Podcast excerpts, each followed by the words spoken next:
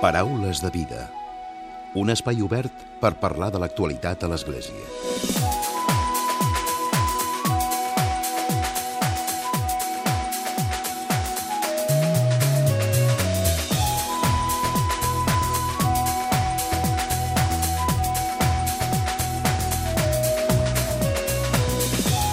Què tal? Salutacions i molt bon dia, molt bon diumenge. Ja està en marxa una nova edició de la Mostra de Cinema Espiritual de Catalunya. Arriba a la seva tretzena edició i ho fa creixent amb l'increment dels espais de projecció escampant-se per tot el territori a través de centres cívics i entitats que també se sumen a aquest projecte.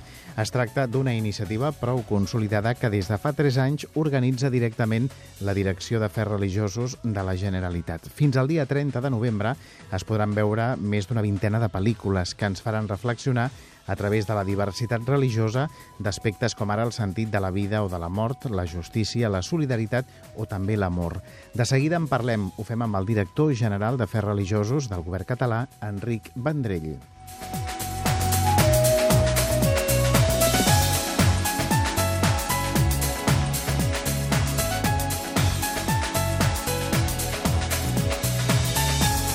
I com sempre, a la recta final del Paraules arribarà un nou comentari de l'actualitat de Francesc Romeu, que aquesta setmana ens parla de la clausura de l'any jubilar de la Misericòrdia. Comencem.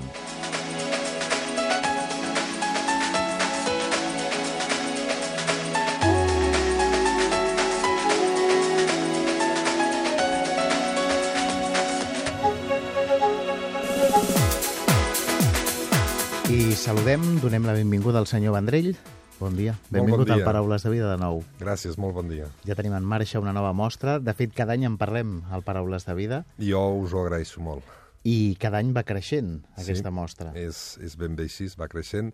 Aquest any m'agrada especialment destacar que a la ciutat de Barcelona hem incorporat un cinema comercial, una sala de cinema, com és el Cinema Verdi, a la Vila de Gràcia, que ens permet complementar moltíssim la programació, perquè ofereix una programació, si voleu, paral·lela.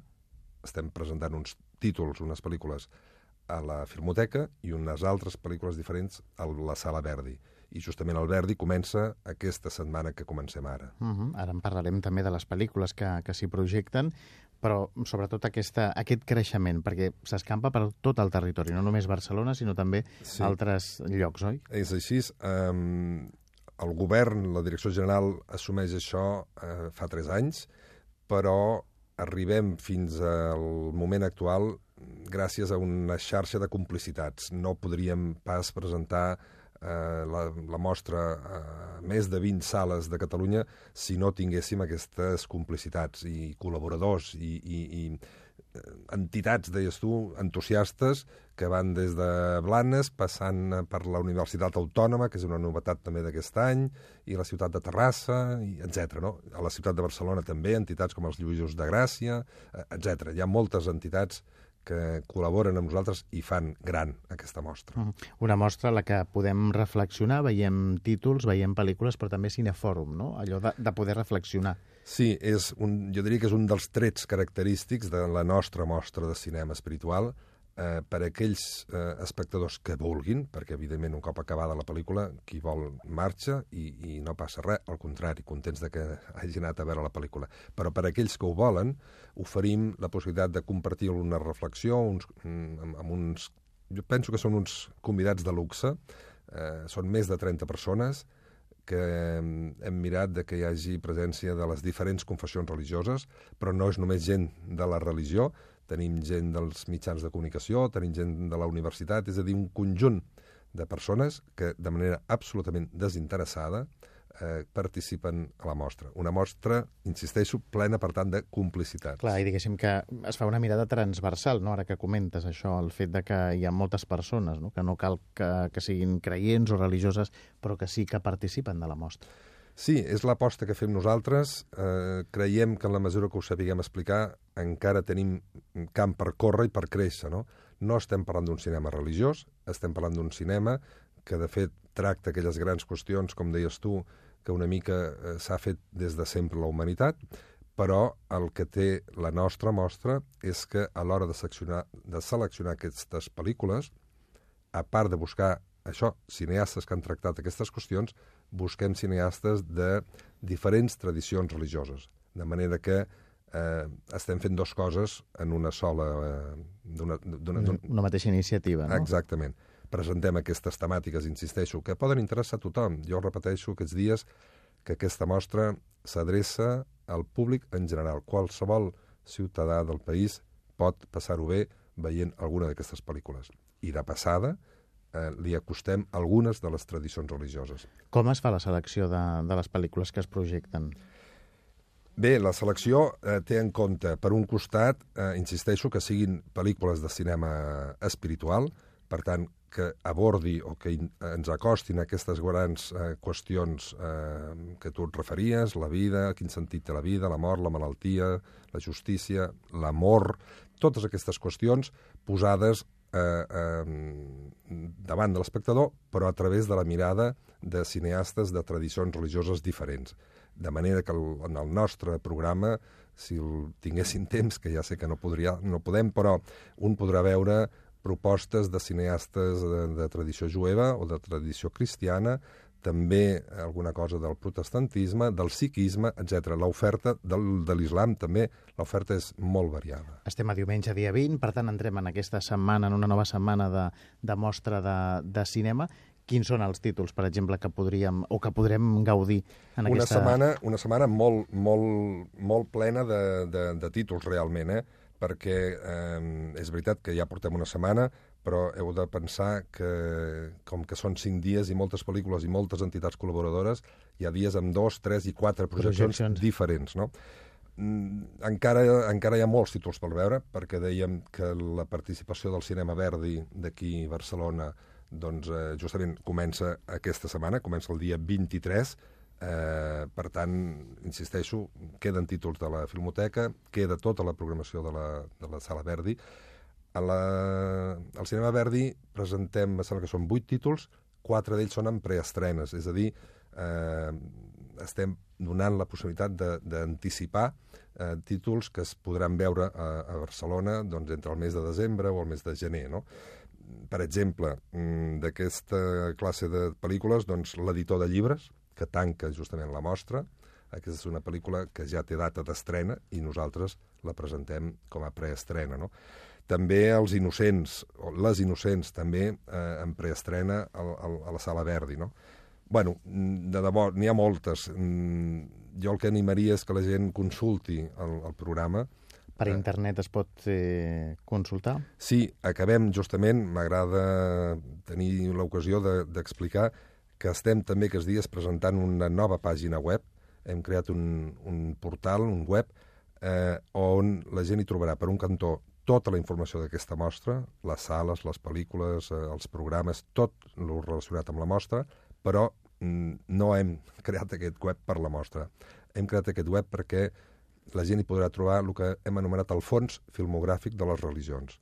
Això és una gran base de dades. Aquí hi ha referenciades més de 2.000 pel·lícules, des dels orígens del cinema pràcticament fins a dia d'avui, agrupades amb les grans tradicions religioses mm, presents avui en el món, de manera que presentem o oferim una manera d'acostar-nos, de conèixer aquestes tradicions religioses a través del cinema. És a dir, que això és una iniciativa nova de, la, de fer religioses. Això és una cosa nova, novíssima, que presentem aquests dies, un portal que per qui el vulgui consultar és cinemaespiritual, totjunt.cat. Uh -huh. Doncs queda, queda dit també l'adreça. La, Parlem de la mostra. A vegades no sé si tenen la sensació de que, de que potser no se'n fa massa ressò mediàtic o sí, sí, que és jo... com una qüestió que no sé si, si a priori per la gent ara que ho comentàvem, no? o sigui que hi han representades moltes religions, que no és només per una religió concreta, si això fa que al veure mostra espiritual la gent es tiri enrere o, o què és el que pot passar?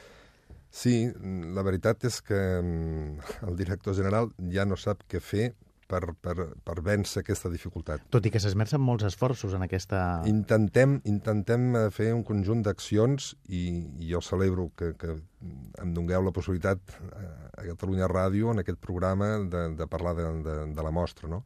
Però sí que ho crec de debò, que no té el ressò que una mostra com aquesta es mereixeria, no? Ara parlàvem, abans de començar aquest programa, amb tu, d'un article eh, publicat al diari Ara fa uns dies d'una persona que coneix bé la mostra, que és en Didac La Garriga, i ara em sap greu no tenir l'article davant, però ell comença aquell article dient, i això penso que val la pena reflexionar-hi, ell comença l'article dient que l'espiritualitat, eh, eh, només llegir espiritualitat, amb alguns ja els frena, amb d'altres els, els anima a entrar-hi, no? Aquesta és la situació, sí. no? Per tant, mm, com que és veritat que a una sèrie de gent, mm, quan llegeix espiritualitat, els frena, doncs jo penso que no acabem de tenir les complicitats o les, les ajudes necessàries per aconseguir un ressò que un festival com aquest eh, es mereix, no? és un, arreu de Catalunya, eh, 20 pel·lícules... I que cada vegada, cada vegada es donen més facilitats, no?, a l'hora de... És que no queda concentrat a Barcelona, com, sinó que hi ha més opcions, no?, sí, de, de poder veure-ho. Aquesta mostra té ja un llarg recorregut, perquè la va iniciar aquí a Barcelona mossèn Peyo Sánchez, però fa tres anys eh, se'ns planteja si el govern mm, ens volien posar al capdavant. De seguida vam dir que sí, però eh, si s'hi posava el govern havia de servir precisament per això que tu dius, perquè en la mesura del possible arribés arreu del país, no? I ho estem aconseguint, perquè ja l'any passat, a través d'un conveni amb l'obra social La Caixa que hem pogut reeditar aquest any, doncs la mostra va arribar ja l'any passat a Tarragona, Lleida i Girona. Però seguim creixent, perquè jo parlava fa un moment de Terrassa, o et parlava... D'aquestes la... complicitats, no? Exacte. D'aquesta manera anem, anem eh, eixamplant el, el nombre de, de, de municipis on arribem. No? Tot i que potser és qüestió de, de més temps, de que es pugui consolidar que sigui tot, tot un referent, no? de que hi hagi aquesta atenció mediàtica. Sí, potser sí, però ja estem parlant de la tretzena edició, és a dir, que ja, ja hi ha un recorregut fet, no? Potser ara en aquests últims anys, no? des que ho assumeix la direcció de Fer Religiosos, sí que se li ha intentat donar més projecció. Sí, jo penso que li han donat un, un, un canvi, jo penso que sí, eh, honestament, eh, tenia sentit, insisteixo, que el govern s'hi posés al capdavant, si havia de servir per, per donar-li aquest impuls. Penso que ho estem aconseguint a base, torno a dir, de moltes complicitats. No? El que avanço, gairebé si vols com a primícia, sí. i potser en la línia de, de, de que aquest festival tingui el ressò que es mereix, és que estem ja pensant a veure si podríem, de cara a l'edició de l'any vinent, eh, un festival acostuma a anar acompanyat d'un cartell de premis. I, I tothom que pensa en un festival de cinema pensa en uns premis. I una secció de concurs a concurs?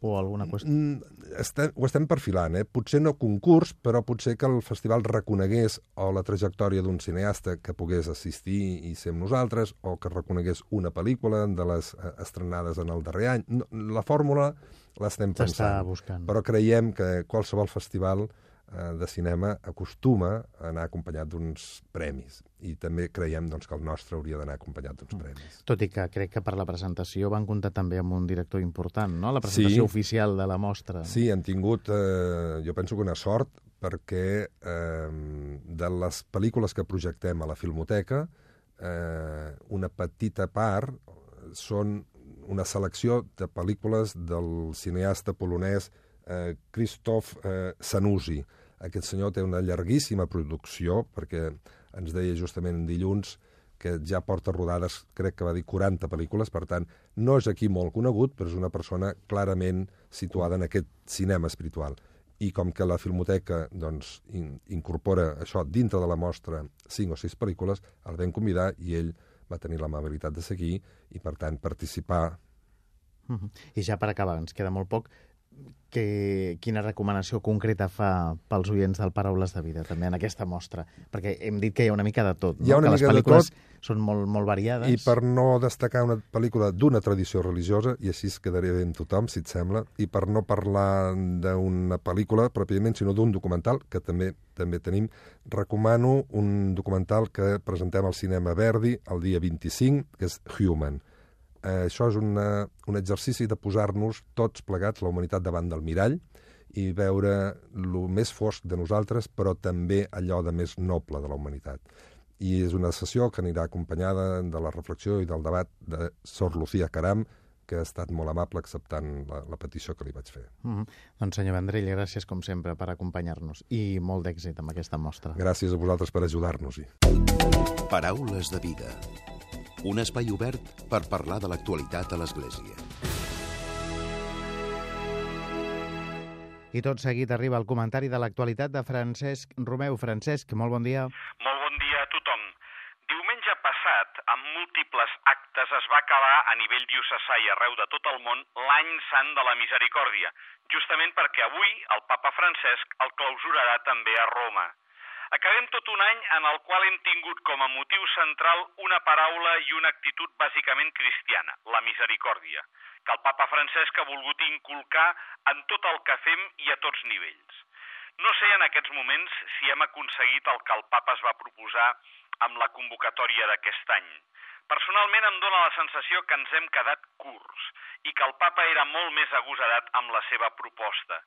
Però no ens podem queixar, tot dient, com diuen alguns, que el papa francès diu moltes coses i fa molts gestos, però que és molt poc teològic, perquè justament l'arrel de la misericòrdia és un gran concepte teològic.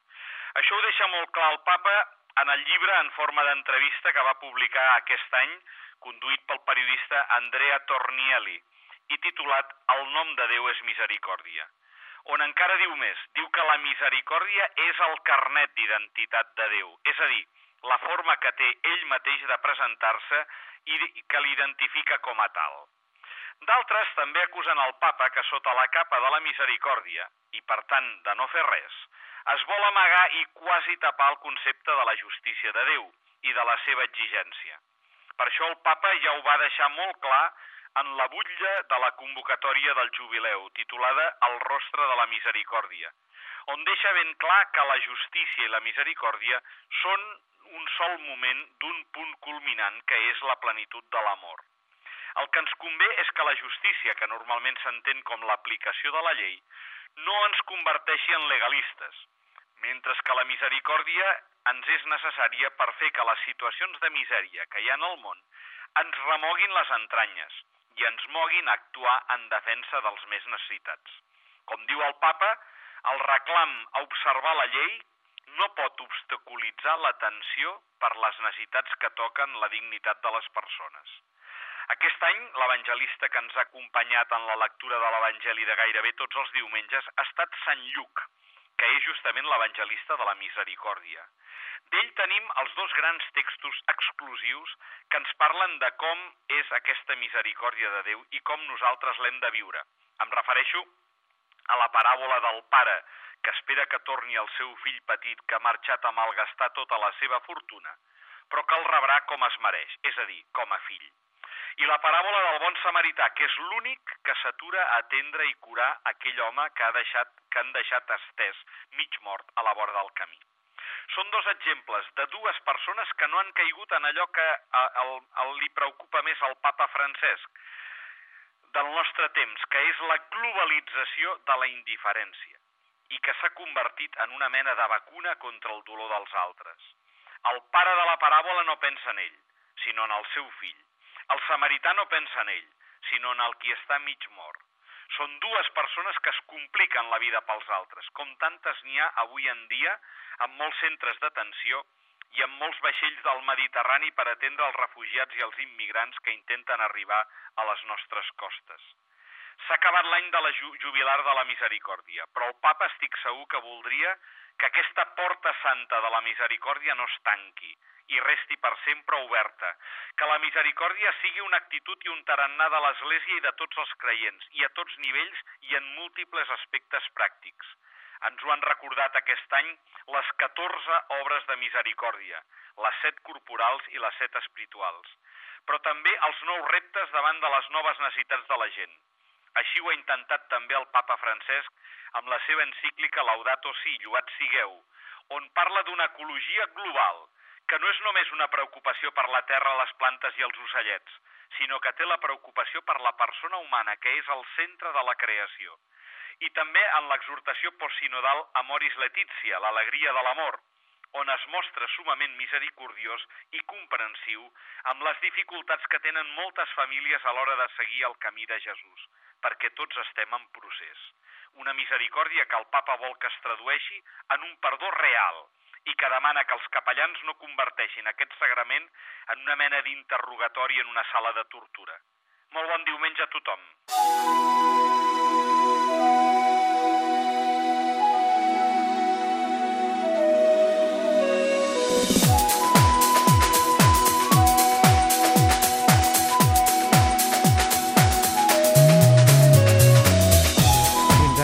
El Paraules de Vida d'aquest diumenge d'aquesta setmana. En Josep Maria Campillo ha estat el control tècnic i qui us ha parlat, l'Emili Pacheco. Que passeu bon diumenge i una molt bona setmana. Adéu-siau.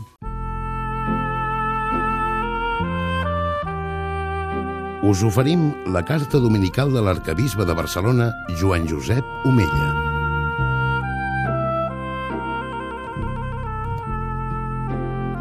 Déu vos guard.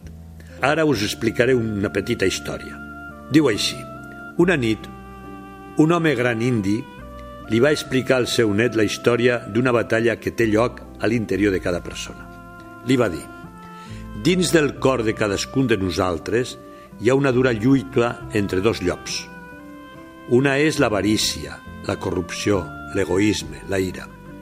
L'altre és tot bondat, amor, compassió i misericòrdia. El net es va quedar uns minuts pensant sobre el que li havia explicat l'avi, fins que finalment li va preguntar «Digues-me, quin dels dos llops guanyarà?» L'avi, l'ancià indi, que ja havia viscut molt i era molt savi, va somriure amb fanfarroneria i li va dir al seu net «Guanyarà aquell al qual tu alimentis més». Quina història més bonica. Cada un de nosaltres és lliure de decidir, com explica la història, quin llop vol que guanyi la batalla. L'elecció dels cristians és clara. Apostem per la bondat, l'amor, la compassió i la misericòrdia. Déu ens regala l'aliment perquè sigui possible. Posem Jesucrist en el centre de la nostra vida i aleshores se'ns omplirà de sentit l'angoixa i l'ansietat quedaran enrere. El llop maligne serà vençut. Crist crida incansable a la porta del nostre cor amb la seva paraula, sempre present en els detalls més quotidians. Diu la Bíblia, si algú escolta la meva veu i obri la porta, entraré a casa seva i soparé amb ell i ell amb mi. Durant tot aquest any jubilar, gràcies a la dedicació dels missioners de la misericòrdia, guiats per les paraules del papa Francesc, hem après a alimentar el nostre cor de la misericòrdia divina. Aquest és el gran regal que el Senyor ens ha concedit. El nostre cor s'ha eixamplat, s'ha esponjat, ha rebut molt, però ara també li toca repartir. És un do rebre, però és també un do preciós poder donar no ens n'oblidem. Siguem misericordiosos amb els nostres germans, amb els nostres pares, amb els fills, amb els nostres veïns, amb aquells de qui discrepem. I per descomptat, amb els més desfavorits i dèbils. Ells haurien de seguir estant molt presents en la nostra pregària, en els nostres actes i en la vida de l'Església. Encara que aquest 20 de novembre s'acabi l'any sant de la misericòrdia, no desestimem el seu valor. No el tanquem en el bagul dels oblits. Seguim els consells de l'ancià indi, del conte i alimentem-nos de Déu, de la seva bondat, del seu amor, de la seva compassió, que rebem principalment a través dels sagraments, de la pregària i de la relació amb els nostres germans i amb tota la creació. Permetem-li a Jesús que entri en les nostres vides i inundi els nostres cors de la seva infinita misericòrdia. I avui, germans, no tanquem la porta de l'any jubilar de la misericòrdia. Obrim les portes del nostre cor i continuem a viure la misericòrdia amb tots els germans. Que Déu us beneixi a tots. Us hem ofert la carta dominical de l'arcabisbe de Barcelona, Joan Josep Omella.